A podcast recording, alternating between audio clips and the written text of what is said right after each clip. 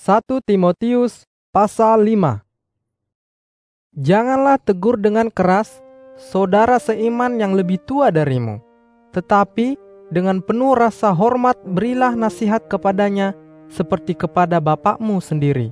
Dan nasihatilah saudara seiman yang lebih muda darimu seperti adikmu sendiri.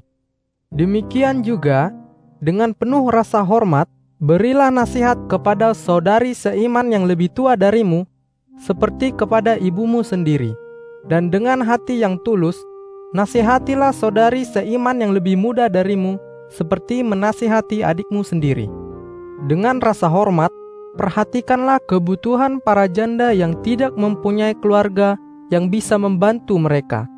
Tetapi kalau seorang janda mempunyai anak-anak atau cucu-cucu, hendaklah keturunannya itu lebih dulu belajar melayani Allah dengan memperhatikan kebutuhan orang tua atau nenek mereka sendiri.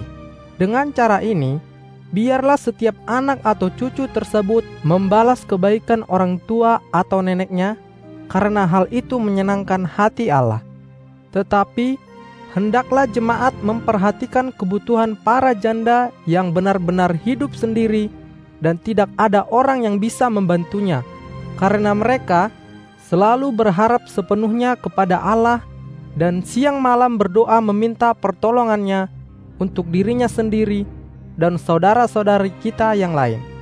Tetapi setiap janda yang hidup hanya untuk menikmati kesenangan dunia saja, sebenarnya secara rohani dia sudah mati, walaupun dia masih hidup.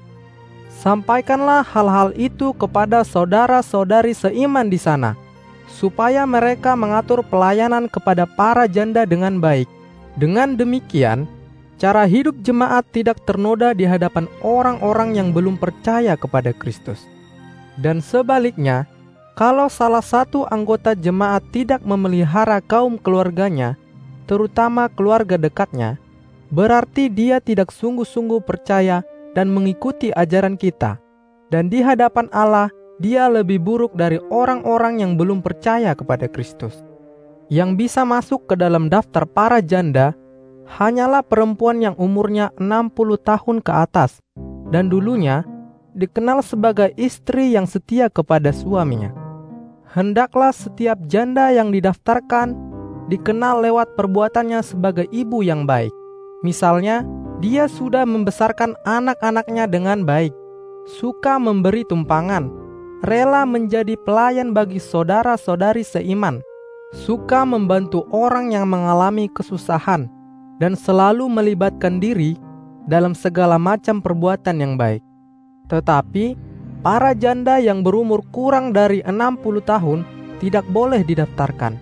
Karena kalau suatu waktu ada keinginan untuk bersuami, maka keinginan itu akan membuat mereka dengan mudah melupakan janji mereka, yaitu janji hanya untuk melayani Kristus saja. Jadi, janganlah mendaftarkan para janda muda, supaya mereka tidak terkena hukuman Allah karena melanggar janji mereka untuk melayani Kristus saja. Juga, para janda muda sering menjadi pemalas, dan yang lebih buruk lagi, mereka suka menghabiskan waktu dengan keluar masuk rumah orang-orang, suka membicarakan kejelekan orang lain, suka mencampuri urusan orang lain, dan suka membicarakan hal-hal yang tidak pantas.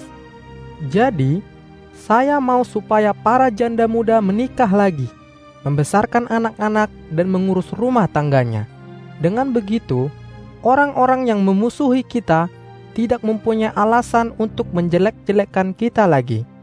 Karena pernah terjadi beberapa janda muda tersesat dan menjadi kaki tangan iblis.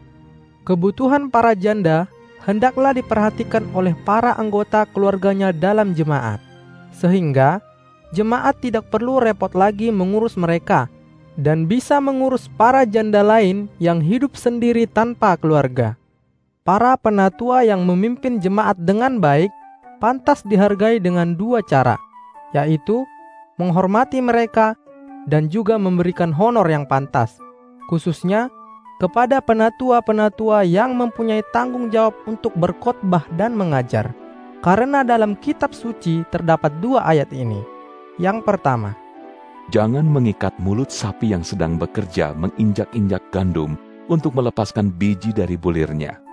Biarkanlah sapi itu makan sambil bekerja. Yang kedua, Seorang pekerja berhak menerima upahnya. Jangan dengarkan tuduhan tentang kesalahan seorang penatua kecuali ada dua saksi mata atau lebih yang menguatkan tuduhan itu. Kalau terbukti seorang penatua hidup dalam dosa, tegurlah dia di hadapan seluruh jemaat, sehingga semua yang lain takut melakukan kesalahan seperti yang dilakukan orang itu. Di hadapan Allah dan Kristus Yesus dan para malaikat surgawi, saya perintahkan kamu untuk menuruti semua petunjuk ini, dan lakukanlah semua ini untuk setiap anggota jemaat tanpa pilih kasih dan tanpa berpihak kepada siapa pun. Sebelum calon penatua terbukti sebagai orang baik, janganlah meletakkan tanganmu pada orang itu untuk meresmikannya sebagai penatua. Jangan sampai orang-orang lain menuduh kamu terlibat dalam dosa-dosanya. Awasilah dirimu selalu supaya tetap murni dan tidak ternoda. Dosa-dosa yang dilakukan sebagian orang segera ketahuan dan menjadi nyata sebelum perkara mereka diperiksa. Tetapi dosa-dosa sebagian orang lain tersembunyi dan hanya akan ketahuan di kemudian hari.